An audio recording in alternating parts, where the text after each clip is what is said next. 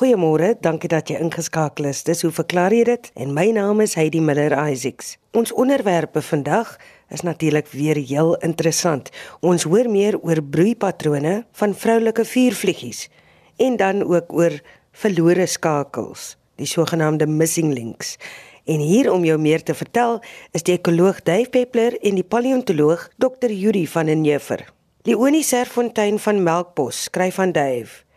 Ek het 4 keer al hierdie gloeiwurm, sê sy in aanhalingstekens, in ons tuin opgemerk. Tot my verbasing lees ek, dit is die vroulike vuurvliegie. Het nog nooit die manlike vliegie gesien nie en vermoed vuurvliegies raak al skaarser.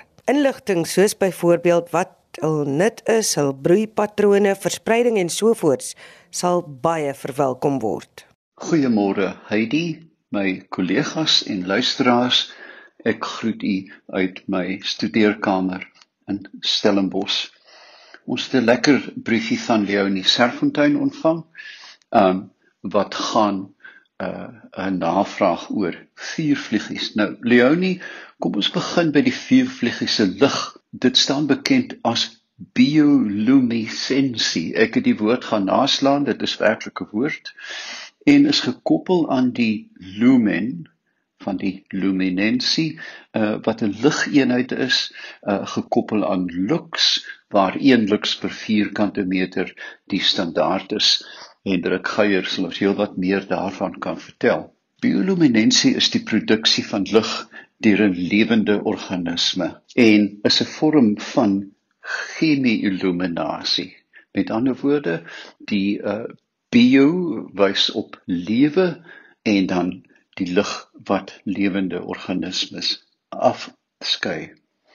Dit kom veral voor by marine vertebrata, met ander woorde die wat ruggrate het, invertebrata by fungi mag ek net hier afdwaal ek het 'n stadium gekonsulteer vir die lemoenbedryf wat uitgelewer is aan 'n siekte met die naam van black spot uh, en die Europese Unie is natuurlik baie skrikkerig dat dit oorgedra kan word na hulle sitrusbome en um, ek het toe na 'n lang gedink op die uh, voerlyn na die verpakking ultravioletligte geplaas en elke klein vlekkie van 'n swam is dan onmiddellik opgetel want die black spot illumineer sterk uh, in ultraviolet.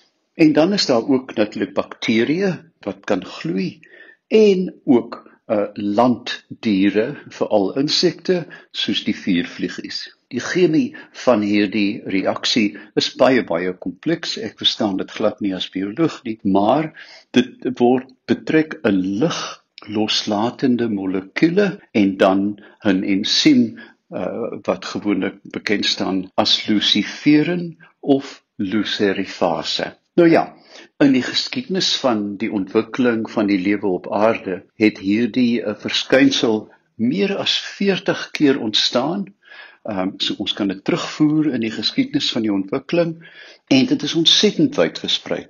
So wyd dat dit oor 11 filums meervoud dalk fila uh, van die diereryk verskyn. Nou die funksie gaan ek later meer uitgebrei oor praat, maar uh, dit gaan gewoonlik oor teeneliminasie. Met ander woorde, as jy in die diepte van die oseaan woon of voorkom, uh waar daar geen lig is nie, dan kan jy die sagte agtergrondlig naboots met met hierdie liggies en dan teen die agtergrond verdwyn mimikry om goed uh, na te boots uh, en dink hier aan die diepsee hengelvisse. Gevaarlik lykende visse met groot bek en tande en dan 'n klein hengelaarstokkie op die neus met 'n liggie vooraan en die stomme prooi kom nader en word dan so ingesluk. En dan is daar natuurlik ook signalering waar die organisme met 'n mede-organisme kan kommunikeer In die geskiedenis uh, is dit interessant om te te weet dat in die ou myne van Engeland voor hulle veiligheidsligte gehad het, het hulle soms flesse met gedroogde visvel daarin uh die myn ingedra want dit het dan vir hulle sagte lig gegee en uh seisoonaal ook uh groot bottels vol vuurvliegies wat dan 'n natuurlike lig voorsien het. Die meganisme, soos ek gesê het, is baie kompleks. Daar is 'n liggewende pigment, luciferin en lucifase is dan die ensiem wat hierdie pigment aktiveer en gewoonlik in die teenwoordigheid van suurstof. Wat wel hier interessant is dat hierdie lig staan gewoonlik bekend as koue lig omdat dit geen uh meetbare hitte afgee nie. 76% van alle diepseevisse vertoon ehm um, hierdie verskynsel en hulle is gewoonlik in die vorm van 'n blou-groenerige lig.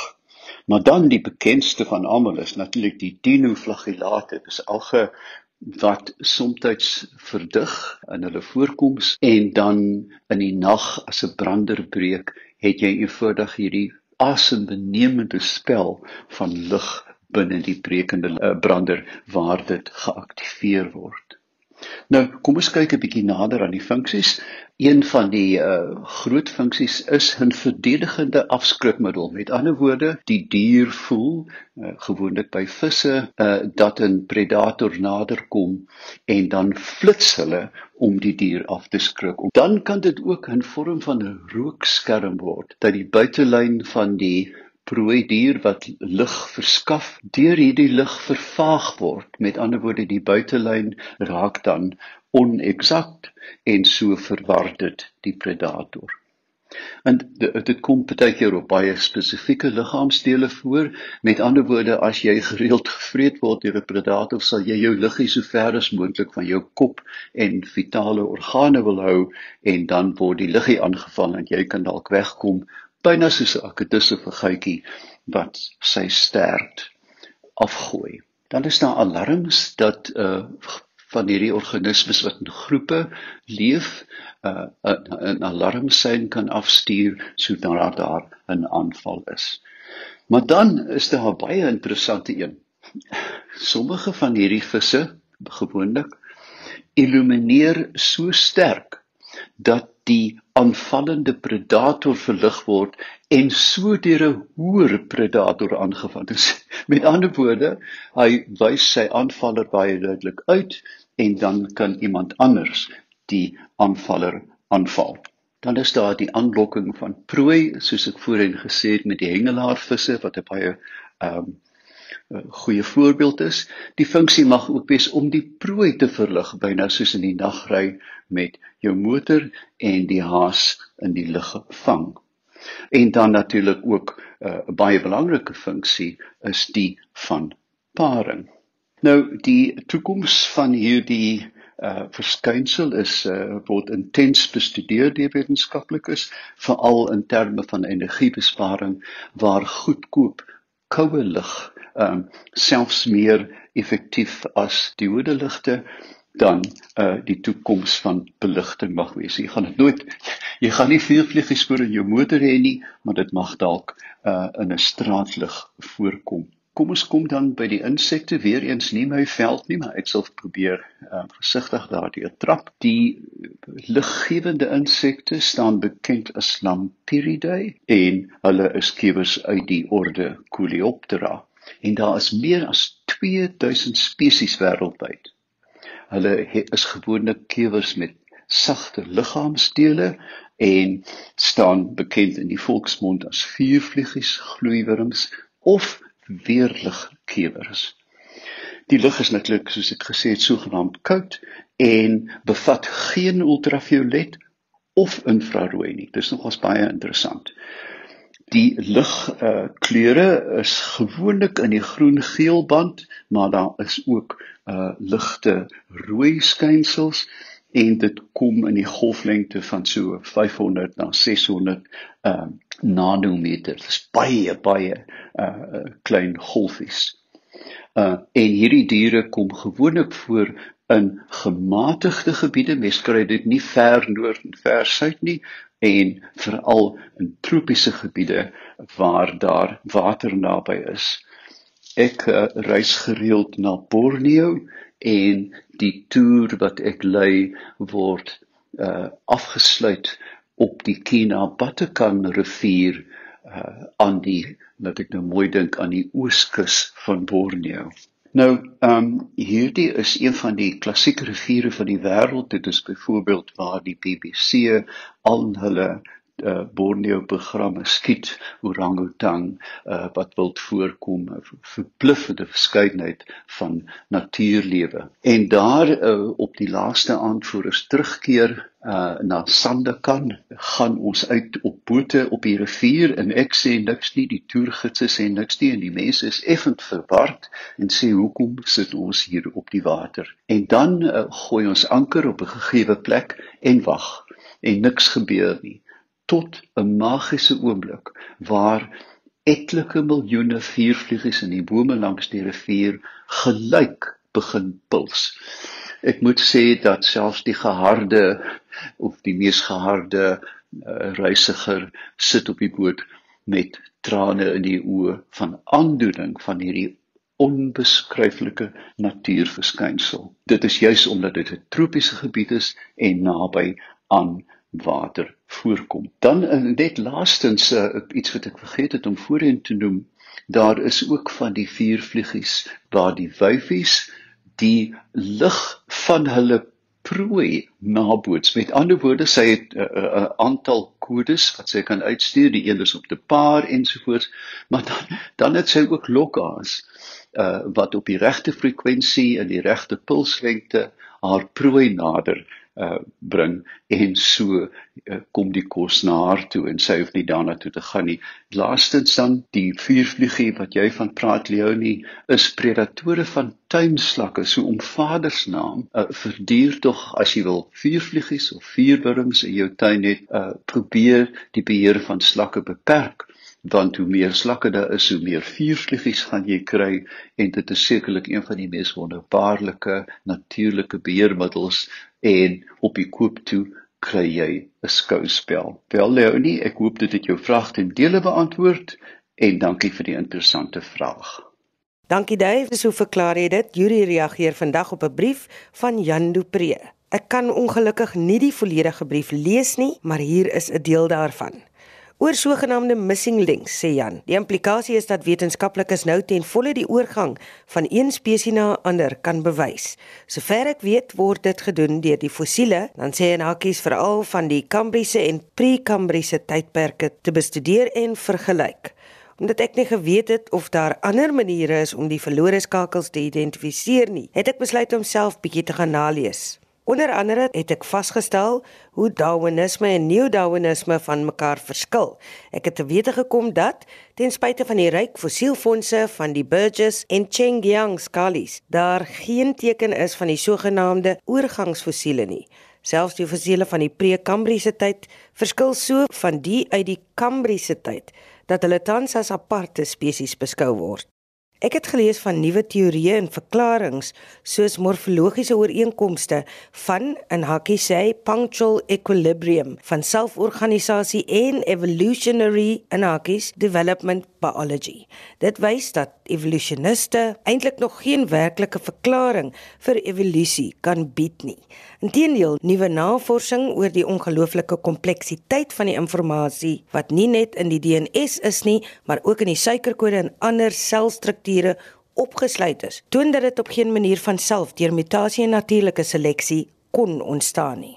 Goeiemôre Heidi, kollegas en luisteraars. Jan se navraag oor die Kambriese en Prekambriese tydperke, vermiste skakels, intelligente ontwerp en evolusie dek 'n wye veld maar oorvleuel tog op 'n manier. Die Kambrium was 'n tydperk in die geskiedenis van die aarde wat vanaf 541 miljoen jaar gelede tot 485 miljoen jaar gelede gestrek het.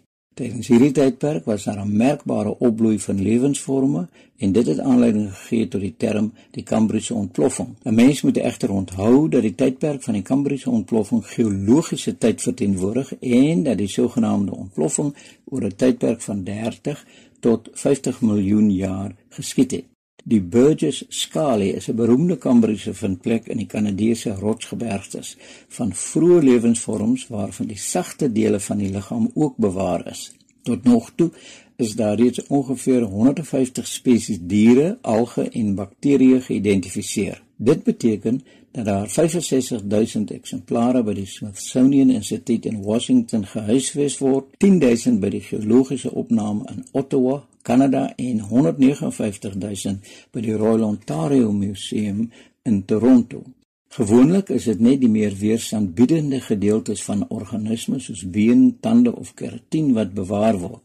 Been en tande is egter nie by die ongewêrelde diere van die Burgess-skalie teenwoordig nie. Die Burgess-skalie bied ons 'n baie goeie venster op die tydstip toe die laaste sedimentêre laag van hierdie rotse aan die einde van die Kambriese ontploffing neergelê is. Een van die redes waarom daar in die Kambrium so 'n magdom fossiele ontdek word, is dat dit ook die tydperk is waarin diere harde weefsel om hulle sagte liggaamsdele ontwikkel het en dit het natuurlik 'n baie beter kans gehad om bewaar te word. Ook sien ons vandag dat krappe en krewe net soos die trilobiete van destyds vervel deur hulle doppe af te gooi en dan te groei voordat die dop permanent verhard. Dus is daar gewoonlik baie meer afdrukke van doppe in die sedimentêre afsettings as wat daar diere was aangesien die oorspronklike organismes elkeen 'n aantal kere tydens hulle lewensyd vervel het. Kambriese diere in die Burgess-skalie was soorte wat naby of op die seevloer geleef het en sluit die vervaderlike vorms van hedendaagse diere in, te wete uh, die Annelida of gesegmenteerde wurms wat vandag deur ertwurms, bloedsuiers en marine wurms verteenwoordig word ook die arthropoda of geleedpotiges wat tot vandag die mees diverse groep diere is, byvoorbeeld spinnekoppe, garnale, insekte en duisendpote. Ook skulpe, bekend as brachiopoda. Die crustacea of skaaldiere wat vandag krappe, krewe, garnale, krul en eendmossels insluit, is ook teenwoordig. Korale wat tans nog 'n baie belangrike komponent van die lewe in die oseane vorm, kom ook voor. Die Echinodermata, 'n groep diere wat hedendaagse seesterre, seekomkommers, slangsterre, sekerstaings en seelelies insluit. Seelelies is nie plante nie, maar seediere wat gewoonlik met 'n lang stingel aan die seebodem geheg is. Daar is ook molluska of weekdiere wat ons vandag as die hedendaagse slakke ken. Ook die voorlopers van die hedendaagse sponse word in die Burgess skalie gekry. Die Onychophora wat hedendaagse fluweelwurms insluit, en laaste maar nie die minste nie, die vroegste chordata, 'n groep wat tans al die wêrelddiere as ook die mens insluit. Om die Kambriese ontploffing in perspektief te sien, moet 'n mens besef dat daar reeds 'n groot verskeidenheid diere, die sogenaamde Ediacara fauna, in die voorafgaande tydperk, die eertydse Prekambrium bestaan het. Hierdie gedeeltes is die eerste keer in die Ediacara heuwels van Australië ontdek, maar sedertdien is 'n hele aantal Ediacara vindplekke in Noord-Amerika, Rusland, Europa en Namibië aangeteken. Almal dateer van 635 tot 541 miljoen jaar gelede, net voor die begin van die Kambrium. Die Ediacara gedeeltes was meestal bodemlewend in die diepsee of in relatief vlak water nader aan die kus en sommiges het self 'n grawende leefwyse gevolg. Hulle vorm dus die vroegste voorbeelde van redelik goed bewaarde meersellige diere wat sommige baie eienaardige vorms insluit terwyl daar ook duidelike ooreenkomste met hedendaagse diere is. Hulle wissel in grootte van 'n paar tot 'n aantal sentimeter terwyl sommiges tot 'n meter lank is. Dit is moontlik dat die diversiteit van die Ediacara fauna deur 'n toename in die hoeveelheid suurstof in die atmosfeer teweeggebring is. Dit is waarskynlik veroorsaak deur die fotosinterende cyanobakterieë of blou-groen alge wat selfs vandag nog meer as die helfte van die suurstof in die atmosfeer produseer. Dan daar 'n aantal baie en aardige soorte diere in die Ediacara fauna voorgekom het sonder twyfel so, maar as gevolg van letterlik honderde nuwe eksemplare wat rekenaarmatig vergelyk en geklassifiseer kan word, is dit duidelik dat hulle oervoorvaders van hedendaagse bekende diergroepe is. Hiervolgens weet navorsers tans dat die fundamentele ekologiese strukture van moderne marine ekosisteme reeds teen die einde van die Kambrium tydperk stewig in plek was. Die storie van die vermiste skakels is interessant. 'n Fossiel kan eintlik nie 'n vermiste skakel wees nie, want as dit gevind is, is dit hoogstens 'n gevonde skakel. Sommige mense hou glad nie van oorgangsfossiele nie. As daar 'n fossiel sê maar spesies 2 gevind word wat die oorgang tussen spesies 1 en 3 verklaar, wil die koppiges weet waar 'n spesies 1 en 'n half en ook 2 en 'n half en indien die gevind word, waar is 1 en 'n kwart en 1 en 'n 3 kwart. Dit is 'n onsinnige houding aangesien daar vandag meer as genoeg fossiele en 'n duisternis wetenskaplike bevindinge ook uit ander vakgebiede bekend is wat die evolusie van oorgangsforme oor en oor bewys. Jan, jou stelling dat wetenskaplikes die oorgang van een spesies na 'n ander bewys deur vir al die fossiele van die Prekambrium en die Kambrium tydperke te bestudeer is nie korrek nie. Verwantskappe en oorgange word oral in die stamboom van lewe gevind. So by so is daar voorbeelde van oorgange tussen spesies, genera, families, ordes en klasse. Oorgangsfossiele is seer sekerlik belangrike getuienis, maar net so is die opeenvolging van geologiese afsettings. Die evolusie van lewensvorme word ook bevestig en uitgebrei deur studierigtinge soos die vergelykende anatomie van lewende diere en plante, die vergelykende embriologie en genetika. Met die gesofistikeerde tegnieke waaroor genetici vandag beskik, kan hulle die verwantskappe en die evolusie van lewensvorme baie akkuraat bepaal. Die geleidelike ontstaan van walvisse uit 'n spesifieke groep landdiere word tans ondubbelsinnig gedokumenteer deur 'n uitgebreide reeks gevonde skakels wat toon hoe hulle permanent waterlewend geword het. Dit word ondersteun deur genetiese bevindinge vir die groep landdiere waaruit walvisse oorspronklik ontstaan het. Interessant genoeg is die hedendaagse seekoeie ook lid van hierdie groep. Die evolusie van voëls en dinosourus word met so magte om oorgangsfossiele aangetoon dat dit tans meer korrek is om te sê dat die dinosourus nie uitgesterf het nie, maar dat hulle as voëls voortleef. Vere maak vandag ook nie meer die voël nie, want die baie nie vleiende dinosourus was geveerd met primitiewe vere wat as isolering teen die koue gedien het, terwyl ander met 'n donsvere en vliegvere ontwikkel het. Die vroegste voëls het ook nog eenvoudige tande soos baie dinosourus en 'n gewervelde stert besit wat beide by hedendaagse voëls ontbreek. Die ontstaan van soogdiere word eweens goed deur ons eie krooffossiele die Therapsida gedokumenteer. As daardeur die gevonde skakels in die op eenvolgende geologiese strate vanaf Sutherland na Golden Gate gewerk word, illustreer vir al die skedelanatomie hoe die klas Mammalia of soogdiere uit die klas reptiele ontwikkel het. In die 19de eeu het die Duitse embrioloog Reichert aangetoon dat die twee buitenste gehoorbeentjies, die hammer en die ambeeld wat slegs by soogdiere, insluitende die mens voorkom, uit die vroeë kaakartikulasie van die embrio ontwikkel en nie opnuut gevorm word nie. Evolusionêr word die oorgang bewerkstellig deur die oorspronklike kaakartikulasie van reptiele om te bou na die tipiese soogdier gehoorbeentjies. Interessant genoeg toon die gevonde skakels uit die Karoo duidelik hoe hierdie oorgang stap vir stap met tyd ontwikkel het. Hier het ons dus 'n geval waar twee vakgebiede, paleontologie en embriologie met verskillende benaderings onafhanklik van mekaar tot dieselfde slotsom kom. In die wetenskaplike omgewing is dit betroubare inligting. Laastens is Afrika en by uitstek Suid-Afrika ook die mekka vir oorgangsfossiele wat na die ontstaan van Homo sapiens gelei het. Talle voorbeelde is al oorbekend en word gerugsteun deur 'n enorme hoeveelheid wetenskaplike artikels. Jan, ek weet nie wat jy oor gepunktueerde ekwilibria en evolusionêre ontwikkelingsbiologie gelees het nie, maar dis doodgewoon nie waar dat daar geen werklike verklaring vir evolusie is. Evolusie as natuurproses is lankal reeds verklaar en die verloop daarvan word steeds nagevors en verfyn.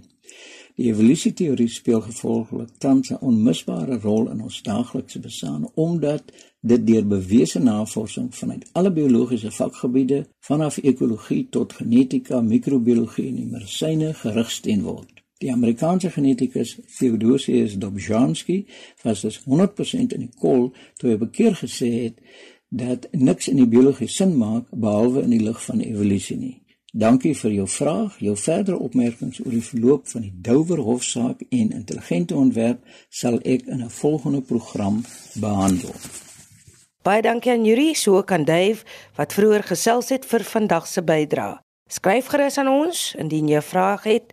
E-pos is heidi@rsg.co.za en as jy met die posduifel stuur, hoe verklaar jy dit? Posbus 2551 Kaapstad 8000. Nou ja, ek in die span groet. Tot aanstaande Sondag.